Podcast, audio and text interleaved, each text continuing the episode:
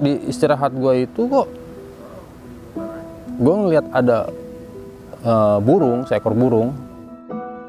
Tapi burung itu malah kayak nuntun gue gitu ngasih tahu jalur gitu. Kayaknya ada lagi yang nemenin gua gitu selain burung ini gitu kan. Tapi semakin gua turun kok semakin terdengar suaranya. Pas gua ngelihat ke sebelah kanan gua kok itu ada kayak ada binatang yang warnanya hitam. Kok ini macan gitu yang nemenin gua? Burung itu ikut jalan turun ke bawah. Si macan itu ikut turun ke bawah juga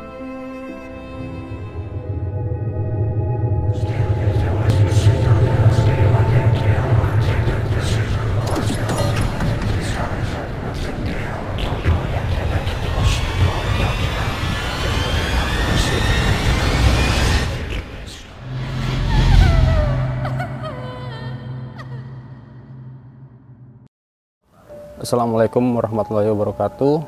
Gua Igun, cerita gue ini di Gunung Gede. Itu di tahun 2000-an Di tahun 2000-an itu gue naik berempat. Teman-teman gue ini ingin coba naik Gunung Gede Karena gue sering cerita. Awalnya gue sering cerita pendakian gunung. Teman-teman gue ini tertarik untuk naik gunung. Akhirnya gue ajaklah ke Gunung Gede. Istilahnya yang jalurnya itu nggak terlalu parah lah kalau menurut menurut gua gitu nggak terlalu parah. Ngumpul di rumah gua siap-siap peralatan semua makanan. Gua berangkat itu siang lah jam 11 semuanya udah semua siap. Akhirnya kita mulai berangkat. Dari sini kita uh, ke Bogor dulu naik kereta. Ke Bogor naik kereta. Dari Bogor itu waktu itu gua ke terminal Baranang Siang. Ke Baranang Siang itu gua waktu itu gua jalan kaki masih uh, karena kalau naik angkot itu muternya jauh. Akhirnya ke Bandung Siang dari Bandung Siang gue naik angkot lagi itu naik angkotnya Elep. Naik Elep itu yang jurusan Cianjur. Jurusan Cianjur terus gue turun di Cipanas. Dari Cipanas gue nyambung lagi angkot lagi sampai ke pos pendakian Gunung Gede. Jalur uh, via Putri. Sampai sana sudah jam 3an langsung kita uh, ngedaftar di pos. Pos zaman dulu itu nggak kayak pos-pos zaman sekarang yang, yang harus pakai simaksi ya. Kalau dulu itu ya kita mau naik gunung ya tinggal datang tulis nama KTP udah kita langsung naik. Jam 4 sore mulai masuk ke jalur gunung gedenya. Setelah itu karena gue bawa uh, anak baru jalan gue juga nggak terlalu cepat gitu. Ya santai aja gitulah. Santai sampai ketemu rumah uh, kayak pos informasian gitu tentang Gunung Gede. Rumah itu yang yang gua tahu itu tempat uh, penyimpanan mayat para para pendaki yang meninggal di sana akan uh, dinapan di situ sehari biasanya gitu. Kalau uh, kemungkinan yang udah terlalu larut malam gitu. Akhirnya gua sampai uh, rumah itu udah uh, maghrib lah kurang lebih maghrib sampai situ banyaklah pendaki-pendaki lain gitu. Ada berapa kelompok di situ sampai keluar keluar e, rumah yang tempat itu. Di dalam rumah pun waktu itu ramai juga nggak nggak nggak nggak sepi. Karena kan posisinya waktu itu pendakian gue itu di waktu libur sekolah. Jadi banyaklah pendaki-pendaki. Tapi kok di, di, di dalam keramaian itu terjadilah suatu keanehan. Awalnya itu dia mereka bercanda-canda gitu. Bercanda-canda sama teman-temannya biasalah bercanda-candaan. Para para pendaki Nah, di salah satu temennya dia itu ada yang kesurupan, yang tadinya ketawanya biasa ketawa ketawa senang gitu. Tiba-tiba kok ketawanya aneh gitu. Nah, yang lain-lainnya sudah pada berhenti ketawa kok yang satu orang ini nggak berhenti ketawanya gitu. Dengan tapi ketawanya itu ya ketawa aneh, bukan ketawa selayaknya orang ketawa gitu. Akhirnya teman-temannya pada diem ngeliatin temennya itu yang ketawa-tawa sendiri teman-temannya udah mulai udah mulai panik gitu udah mulai panik karena kok kok ini ketawa-ketawa sendiri aja gitu. Nggak taunya gitu kesurupan sosok kalau kalau menurut gua sih sosok itu kayak mungkin ya kuntilanak lah. Tapi setelah ketawa-ketawa itu si korban itu nangis gitu nangis ya nangisnya ya nangis sedih banget kayaknya gitu. Akhirnya teman-temannya itu mulai ya baca-bacaan ayat suci yang mereka bisa. Nggak lama dari situ mulai uh, mulai mulai mulai sadar lagi. Si si korban ini mulai sadar ditanyalah sama kawannya kenapa? gitu. Dia juga nggak tahu kenapa gitu kan. Karena dia juga nggak tahu kok tiba-tiba banyak air mata di, di, di pipinya gitu. Dia juga nggak tahu.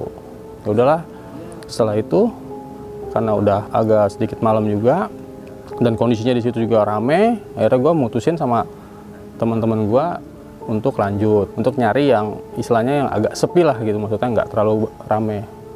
Lanjut terus jalan biasa sampai ke shelter Lebak Lencak kalau nggak salah namanya ya sekarang itu Lebak Lencak ketemulah orang ada beberapa pendaki. Akhirnya gue mutusin jalan lagi jalan lagi terus. Tapi di setelah uh, pos itu itu gue ngerasa kayaknya tuh aneh gitu. Kayak ada uh, mah, uh, makhluk lain lah gitu yang mungkin tapi nggak nggak kalau gue sih nggak nggak ngelihat ada penampakan apa pun gitu. Cuman kayak ada menurut gue tuh ada bayangan gitu sekelebatan gitu. Nggak nggak nggak jelas gitu. Akhirnya gue tetap santai gitu kan. Karena gue juga nggak mau kan ngeliat teman-teman gue ini ngeliat gue panik nanti dia jadi panik gitu kan akhirnya gue coba bawa santai akhirnya gue terus lanjut jalan buntut ketemu pos buntut lutung istirahat sebentar akhirnya gue lanjut lagi sampai ke uh, pos 5 itu simpang Maleber dari simpang Maleber itu karena udah malam gitu udah posisinya tuh mungkin sudah sekitar jam jam satu atau jam berapa gitu. Akhirnya gue uh, sama teman-teman gue itu coba untuk mutusin ngecamp di situ gitu. Ngecamp di situ di pos 5 itu sih selama ngecamp itu gue nggak ada terjadi sesuatu yang aneh-aneh gitu kan. Di, di malam itu. Biasa lah gitu. Akhirnya kita camp buka, ten, uh, buka tenda di situ ngobrol bercanda-canda. Tapi di, di bercandaan di bercandaan dari kawan-kawan gue itu satu kan yang menurut gue sih ya yang gak harus diucapin di situ gitu. Karena dia uh, ngomongnya tuh enak nih. Kalau pagi-pagi di di hutan ada tukang roti lewat nih gitu sambil ngopi makan roti kan enak pagi-pagi kan?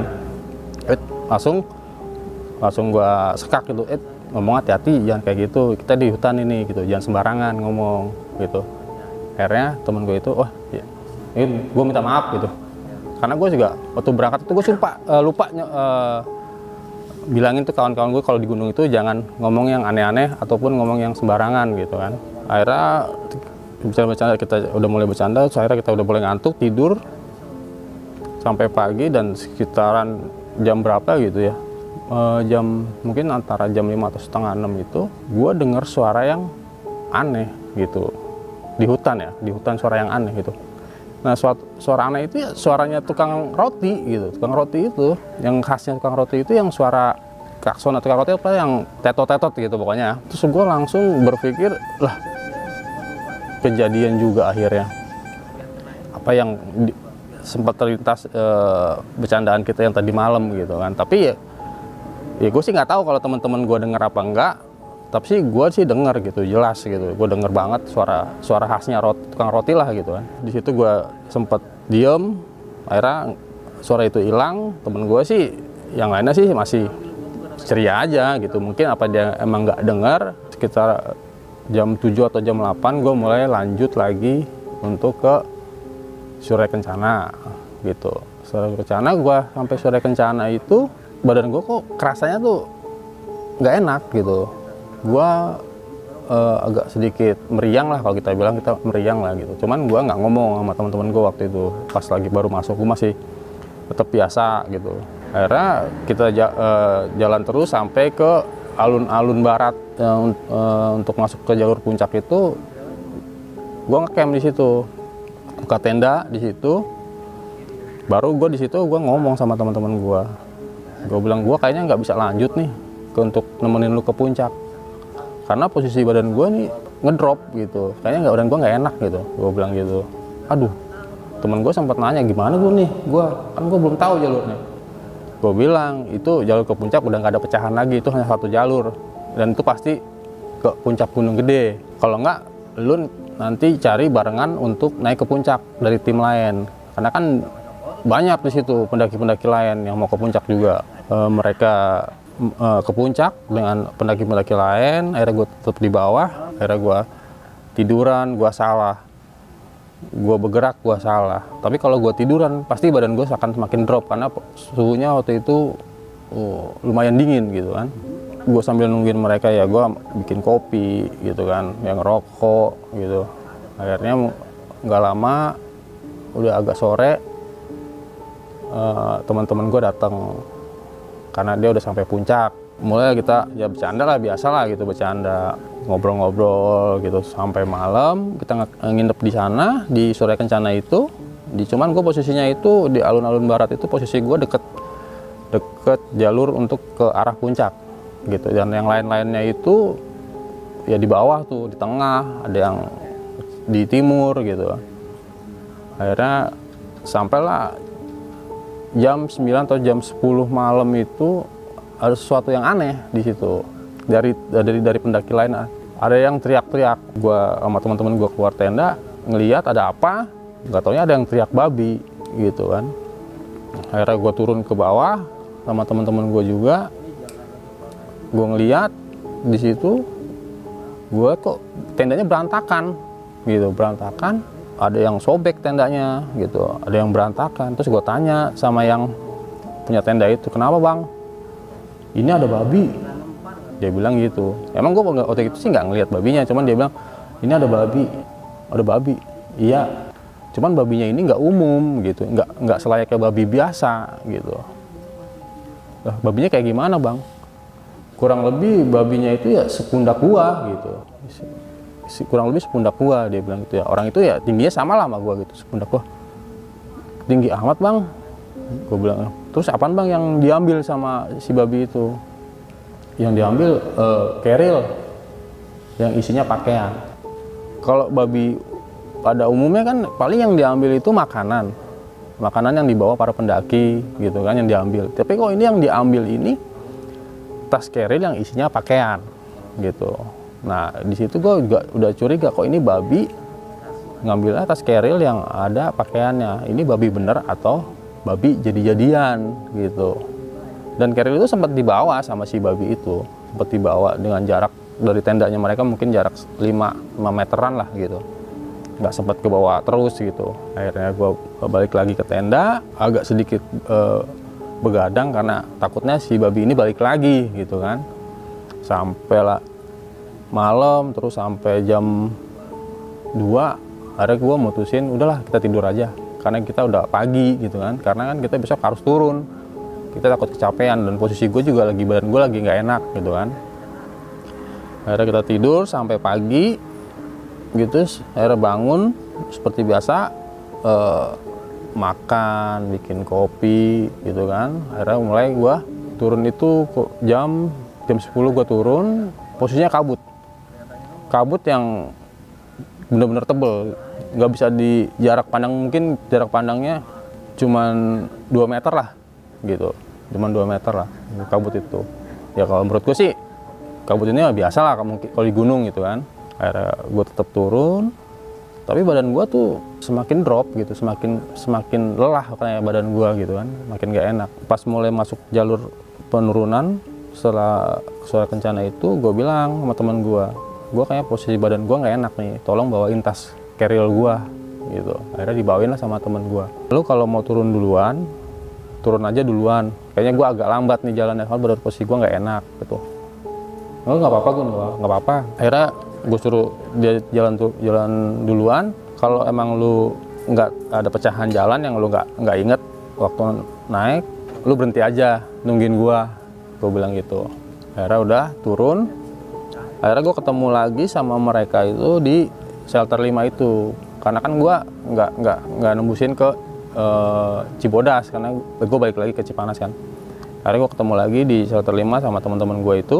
Istirahat dulu di situ mulai kita lanjut lagi. Nah akhirnya teman gue itu gue suruh jalan duluan lagi gitu kan. Usah nungguin gue karena mungkin gue jalannya agak lambat gitu kan. Jalan aja duluan. Gue nggak apa-apa sendiri gitu. Nah dari shelter uh, dari shelter 5 itu gue turun itu udah mulai rasa uh, keanehan posisi waktu itu kan Gunung Gede itu lagi banyak pendaki rame kok ini kok. Tiba-tiba sepi gitu hening gitu kan. Kayak nggak ada pendaki-pendaki lain gitu kan mungkin udah, udah marah sampai pendaki-pendaki lain dan nggak ada yang nggak ada yang naik lagi gitu kan. Ya udah gue tetap turun sampai ke shelter 4 itu buntut lutung. Gue nggak ketemu temen gue juga gitu mungkin temen gue langsung gitu kan. Akhirnya gue istirahat sebentar gue cuman bawa air putih waktu itu waktu itu turun. Di istirahat gue itu kok gue ngeliat ada uh, burung seekor burung cuma satu gitu burung itu mungkin kalau gue bilang itu burung itu burung gagak gitu. Burung gagak yang lagi nyari makan lah di bawah gitu. Gue liatin aja tuh burung kan. Ah udahlah biarin itu kan karena burung gitu kan. Karena di hutan umum lah burung itu. Akhirnya gue mulai uh, turun lagi. Tapi kok burung itu bukannya uh, pergi terbang malah kayak nuntun gua gitu ngasih tahu jalur gitu. Jadi burung itu nggak terbang. Jadi ya apa namanya lompat-lompat turun aja gitu. Kayak nemenin gua lah gitu. Masih gue liatin aja tuh burung itu kan. Kok burung ini makin nggak terbang juga. Tetap jalan terus. Jalan masih nemenin gua sampailah shelter 3 nah, shelter 3 gue istirahat lagi. Tetap burung itu nggak terbang juga gitu. Tetap nemenin gua gitu. Nemenin gua karena gue berhenti dia ikutan berhenti gitu kan. Nggak terbang ke mana-kemana. Ya dia di bawah aja gitu sambil kayak nyari makan gitu. Mungkin ini dia nemenin gua karena mungkin gue sendiri di situ. Dan itu emang nggak ada pendaki-pendaki lain gitu ya saat itu. Jadi seakan-akan tuh gunung itu cuman gua doang yang yang yang naik gitu. Nggak ada lagi pendaki-pendaki lain. Padahal waktu gue berangkat aja itu banyak pendaki-pendaki lain gitu kan. Sampai di atas pun banyak gitu. Setelah istirahat gue jalan lagi tetap masih ditemenin sama burung itu. Tetepin sama burung itu gitu kan. Tetap jalan burung itu tetap lompat-lompat turun ke bawah gitu. Nah setelah nggak jauh dari uh, pos 3 itu gue ngerasain keanehan. Keanehan itu kayaknya ada lagi yang nemenin gua gitu selain burung ini gitu kan. Tapi belum kelihatan gitu apa yang nemenin gua gitu kan. Kalau gue bilang kalau makhluk makhluk gaib nggak mungkin karena siang posisinya gitu. Ya mungkin aja mungkin gitu. Tapi gue kepikirannya nggak mungkin kalau siang. Akhirnya gue turun terus itu gue lihat di kanan kiri gue nggak ada apa-apa gitu. Masih seperti biasa gitu layaknya hutan gitu. Tapi kok semakin gue turun kok semakin terdengar suaranya. Dan itu posisinya ada di sebelah kanan gue waktu itu. Pas gue ngeliat ke sebelah kanan gue kok itu ada kayak ada binatang yang warnanya hitam. Tapi gue belum jelas uh, itu apa gitu. Dan di, binatang itu pun uh, di, uh, kayak ngumpet atau mungkin hanya memperhatikan gitu. Akhirnya gue tetap jalan jalan terus kan. Nah mulailah tuh uh, terlihat kok ini macan gitu yang nemenin gue macan itu macan uh, macan kumbang kalau nggak salah itu hitam polos itu. Itu baru gue lihat waduh macan lagi. Dalam hati gue mana gue sendiri gitu kan. Gue ngeri juga waktu itu kan. Karena di depan gue ada burung ya mungkin nggak terlalu nggak bahaya tapi yang sebelah kanan gue ini ada macan. Nah mungkin jarak macan itu kurang lebih 15 meter lah. Kurang lebih lah gitu 15 meter. Tapi macan itu ya nggak nggak nggak nggak mendekat ke gua gitu. Nggak mendekat cuman dia kayak memperhatikan aja gitu. Perhatikan. Akhirnya gue dalam hati coba salawatan gitu terus baca yang gue bisa gitu kan. Mudah-mudahan gue uh, selama pen, uh, penurunan ini gue uh, selamat sampai bawah gitu kan. Akhirnya gue terus jalan burung itu ikut jalan turun ke bawah si macan itu ikut turun ke bawah juga gitu. Tapi si, ma si macan ini nggak ngedeket gitu tetap di jaraknya gitu jarak gue uh, sama si macan itu nggak nggak nggak semakin mendekat tapi tetap dia turun gue turun nah burung itu juga turun juga gitu kan. Dalam hati gue apa dia juga nemenin gue gitu. Akhirnya ya udah gue tetap jalan terus sampai ketemu nah rumah yang yang tadi ada yang kesurupan itu yang pertama gue naik. Sampai situ gue istirahat lagi gue masih belum ketemu teman gue juga tuh. Gue mungkin mungkin teman gue udah jauh kali udah udah udah turun jauh gitu kan. Akhirnya gue istirahat lagi di situ sebentar nggak tahu kenapa tiba-tiba pas gue ngeliat di sekitar gue nggak ada itu burung gitu. Burung itu nggak ada terus sosok macan itu juga nggak ada gitu. Nggak ketahuan perginya gitu. Toto udah hilang aja gitu. Suara pun juga nggak ada gitu suara dia pergi. Gue merinding di situ gue mulai merinding karena gue inget yang waktu gue pas uh, naik gitu. Di sini ada yang kesurupan. Dan di situ juga saat itu nggak ada siapa-siapa gitu. Sepi benar-benar sepi. Benar-benar sunyi banget gitu. Nggak ada eh, nggak ada orang gitu. Cuman hanya gue sendiri gitu udah akhirnya gue jalan lagi. Jalan lagi. Akhirnya gue baru ketemu temen gue itu di eh, rumah informasi sama teman-teman gue itu. Akhirnya temen gue nanya gue kok lama banget tuh jalan? Iya nih kondisi gue lagi nggak sehat kan. Makanya gue jalannya agak lambat gitu. Gue nungguin dari tadi di sini. Gue udah ngopi gue udah teh nih di sini semuanya baru nyampe. Ya udah nggak apa-apa. Ayo kita ya jalan lagi sampai pos gitu kan. Akhirnya jalan lagi sampailah pos pen- eh, pendaftaran itu lagi gitu. Nah di situ mulai tuh ada orang-orang lagi rame gitu yang daki gitu yang turun gitu. Nah ada salah satu eh, pendaki yang tur- yang- yang turun duluan gitu dari gua ada yang ngomong tadi gua di sana dikejar macan. Dia bilang gitu kejar macan macannya warnanya hitam gua lari aja udah. Dia bilang gitu lah dalam hati gua apa ini macan yang tadi nemenin gua gitu. Tapi kok masih macan ini nggak ngejar gitu nggak apa yang diceritakan sama pendaki yang itu gitu. Dia malah justru nemenin gua gitu kan. Akhirnya udah di situ gua eh, laporan turun gua turun nah gua baru bercerita sama teman-teman teman gua. Kalau di saat gua turun itu gua ada yang menemani gitu dan akhirnya udah kita turun pulang eh, sampai angkot sampai ke Cipanas. Dan kita pulang lagi udah sampai ke Bogor naik kereta sampai rumah akhirnya. Gitu. Jadi ya, inilah cerita gue yang yang gue rasain waktu saat itu sama teman-teman gue ini gitu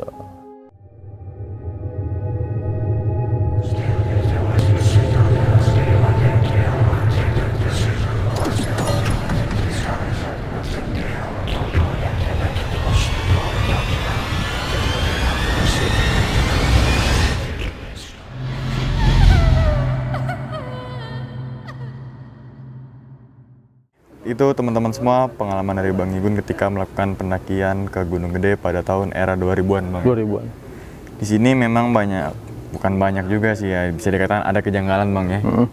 Yaitu baru pertama kali ke Gede aja ada rekan Abang nih Mm-mm. mengalami suatu kejadian bisa dikatakan keserupan gitu, Iya, Bang ya. heeh. Itu lokasinya tadi di de- tepatnya nih Bang, di de- di lokasinya di pos berapa tuh, Bang? Itu kalau kalau sekarang ya katanya sih ya pos itu menjadi pos satu jadi rumah Oke. kayak rumah gitulah pokoknya bener-bener rumah gitu jadi rumah itu ya tempat kalau dulu sih katanya sih itu tempat untuk penyimpanan mayat yang meninggal di situ Pada zaman dulu. pada zaman dulu Oke. gitu Dan memang bisa dikatakan katanya kuntilanak. ya kalau menurut kalau menurut Hmm. eh, pribadi gua itu kayaknya itu sih sosok kuntilanak Soalnya tadi gerak geriknya ya. dari ketawa ketawanya gitu iya kan. heeh, Heeh, dari dan ketawanya memang, eh, pas pendakian ke Gunung Gede ini, abang mengajak rekannya yang memang baru pertama kali naik gunung ya. Mm-mm, baru pertama kali Dan mulai pergerakan itu ke atas sekitar so eh sore bang ya. Sore dari Sore ya. jam 4 mulai Jam pendakian 4 mulai otomatis kan ketemu malam nih bang. ketemu malam iya Dari pos 1, ke pos 2, ke pos 3 sampai akhirnya Nah, ngecamp dulu di Simpang Meleber. eh, Simpang di pos 4 berarti ya. Pos 5. Po, iya pos 5 Simpang Maleber. Nah, di sini barulah besokannya ke Surya Kencana. Surya Kencana. Dan memang ada satu rombongan pendaki Iya. nih, bahwa tendanya itu bisa dikatakan diacak-acak nih. Iya, ah, acak-acak lah. Diacak-acak gitu lah. Yang biasanya kan ngacak-ngacak pindahin tuh babi gitu. kan. Mm-mm. Tapi ketika ditanya sama abang, hitam tapi se Sepundak, sepundak gitu, sepundak, sepundak saya lah. Eh, sepundak, iya, sepundak lah gitu dia bilang. Sih sepundak tingginya gitu. Nggak nggak nggak layak apa nggak u- nggak layaknya umumnya babi tuh ya. Babi, Yang iya. paling semana sih tingginya? Heeh, heeh. Heeh, gitu. Dan di sini biasanya misalkan babi nih bang ya, biasanya ngambil-ngambilin logistik dong. Oh iya, paling Ini- makanan gitu Iya, kan. ini malah baju pakaian. Jadi yang diambil itu pada waktu itu ya, yang diambil itu ya tas yang isinya baju gitu. Tas-tasnya pun udah nggak ada tuh bang ya. tas-tasnya dibawa gitu tas-tasnya yang dibawa dan pa- tasnya itu ya isinya pakaian bukan bukan makanan gitu Gitu. Mungkin saat saat itu abang berpikirnya bahwa emang itu babi atau bukan tuh saat saat lihat kondisi seperti itu. Em, eh, kalau dari dari bentuknya sih ya kalau itu sih bukan babi pada umumnya gitu kayak sih babi jadi-jadian gitu Bisa jadi. Ya kita berasumsi seperti itu Iya, lah. Ya. Soalnya uh-uh. dari bentuk tubuhnya yang dijelaskan gede, Gede, sebelah, iya. hitam gitu kan ya itu. Uh-uh. Nah, dan baru abang ini melakukan perjalanan turun ya. perjalanan turun ya Itu kondisinya bisa dikatakan nggak di- nggak fit lah badan. badan gak fit Nah, ransel dibawain sama teman abang nih. Dan abang sendiri ya berarti ya. sendiri jalan Sendiri. karena kan teman tadi kan eh, dia jalan duluan Udah duluan. Nah, di sini juga mulai ada kenaian bahwa kok nggak ada nemu ini pendaki yang naik ada, kayak, iya, ya kan? gitu. pendaki yang turun. nggak ada Oke, sepi oke. jadi jadi eh, kondisi ini sama yang gue pernah ceritain di Aresana itu yang gue di Gunung Salak Oke. itu itu kalau dulu emang itu masuk ke eh, dunia Dunia. dunia al- Al- alam lain alam lain lah gitu heeh. gitu kayak seperti itulah gitu cuman kondisi, kondi- kondisinya ya ini tetap tetap nemuin jalan gitu tetap tetap eh, jalan seperti biasanya Jalan umumnya aja Heeh, bener ya? heeh. kalau di Gunung Salak itu kan gua emang nggak ada jalan jadi gue cuman di area situ aja Kayak diputerin atau gimana kita nggak tahu kan. Nah, dan terus ketemu sama bulung jalak. eh, burung gagak Eh, burung gagak. Nah, gagak ini biasanya burung itu kan terbang.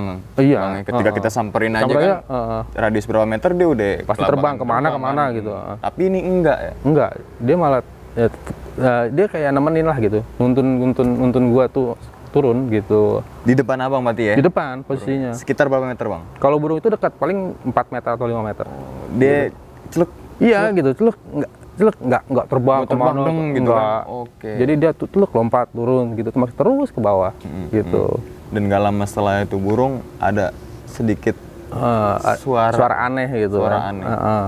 di sebelah sebelah kanan kanan abang nih. Eh, sebelah kanan itu jaraknya ya sekitar 10 meter atau 15 meter lah gitu Oke. Eh. Oke. Dan itu belum kelihatan bang ya? Bentuk, belum belum itu masih bentuk kayak ma- bentuknya belum kelihatan masih suara aja suara aja.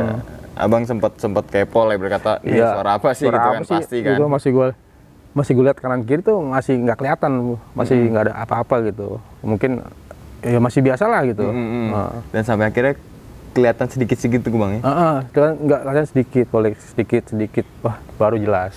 Gitu. Dan itu macan nggak taunya itu macan gunung warnanya hitam. Kalau nggak kalau nggak salah ya itu kalau kita bilang macan kumbang lah, Dan kumbang. ya. macan kumbang. Iya, gitu. Itu ketika bener-bener ngeliat full nih bang ya. Apakah tuh macannya ngeliatin abang nih seakan-akan gitu atau dia emang kayak aktivitas kayak nyari makan gitu tuh bang? kalau kalau macan itu dia merhati merhatiin gua gitu dia ngeliat juga ke gua dan gua juga ngeliat ke dia Wah, gitu Oke.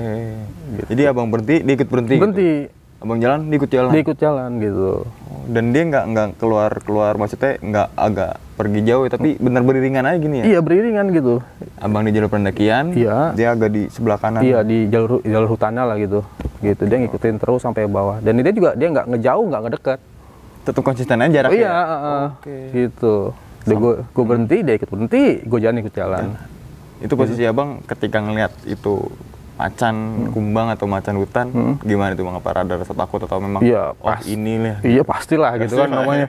Aduh macan kan ya yang istilahnya dia kalau udah nyerang kan nggak ampun gitu. Iya, betul. Gitu. Rajanya hutan gitu. Iya. Kayak gitu. Aduh gue bilang gitu. Teruslah abang tuh bergerak ke informasi lama itu. Mungkin sekarang pos 1 ya. Pos satu. Yang Heeh. ya informasi Ya, lama sebelumnya. sebelumnya Heeh. kan. nah di situ barulah temen abang ya Ketemu lagi. Ketemu lagi ya? Heeh, ketemu teman-teman dah. Heeh, di ketemu. situ Heeh. dan pada saat ketemu teman abang ini layaknya emang benar-benar ada pendaki yang naik ya Mm-mm. pendaki yang Mulai mulai ada mulai ada lagi lah mulai ada lagi. Heeh. dan ternyata teman abang ini ngelihat juga ya Ya, kalau kalau kalau dia ngelihat sih nggak tahu ya Hmm. gitu kan. Eh, cuman dia waktu itu sempat se- eh, ngomong sih gue cuman gue denger aja gun gitu nggak tapi gue denger suara aja tapi nggak ada wujudnya gitu akhirnya dia lari Eh, akhirnya ada, mungkin dia berhentinya di eh, rumah informasi itu kan itu karena di situ kan eh, banyak pendaki-pendaki lain Mm-mm. gitu Oke. Dan mungkin juga abang beranggapan dia kok cepet banget mungkin pas lihat dengar suara itu kan bang. mungkin, Macan lari iya. akhirnya agak jauh tuh bang. ya. bagi orang ini kok teman-teman gua nggak ketemu temu gitu kan mungkin emang dia jalan terus gitu kan akhirnya gue tetap jalan terus gitu kan Sampai akhirnya eh, abang dan bersama rekannya itu pulang ke rumah dengan selamat. selamat alhamdulillah Alhamdulillahnya sih ya. ah, selamat Oke. sampai rumah sebelum ditutup nih bang video ini ada gak bang pesan buat teman-teman atau mungkin mengingatkan nih bang Hmm. untuk teman-teman yang bisa dikatakan suka naik gunung lah gitu. Hmm. Kalau kalau pesan gue sih eh, bukannya eh, menggurui atau eh, apalah gitu ya. Mending gue hanya mengingatkan eh, un- untuk sama-sama pendaki gitu yang hobinya naik gunung tetap jaga sopan santun eh, keadaan di sana gitu. Jangan eh, sesuka hati Ya. di sana gitu karena kan kita ke sana itu seperti kita berkunjung ke rumah orang gitu tetap sopan santunnya ada gitu terus mendaki itu jangan hanya eh, kita mendaki ataupun kita eh, gaya-gayaan kalau kita udah, udah pernah mendaki ke gunung gitu kan. Eh, kita selama pendakian itu kita bagaimana caranya untuk menghadapi sesuatu yang ada di gunung itu gitu. Kayak misalkan entah eh, melihat sesuatu eh, makhluk gaib atau melihat binatang yang buas.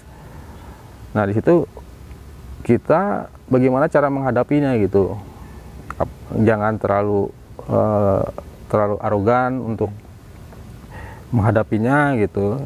Kalau kita menemukan misalkan kita menemukan eh, eh, apa namanya makhluk gaib jangan kita jangan jangan langsung bercerita kepada teman-teman kita gitu.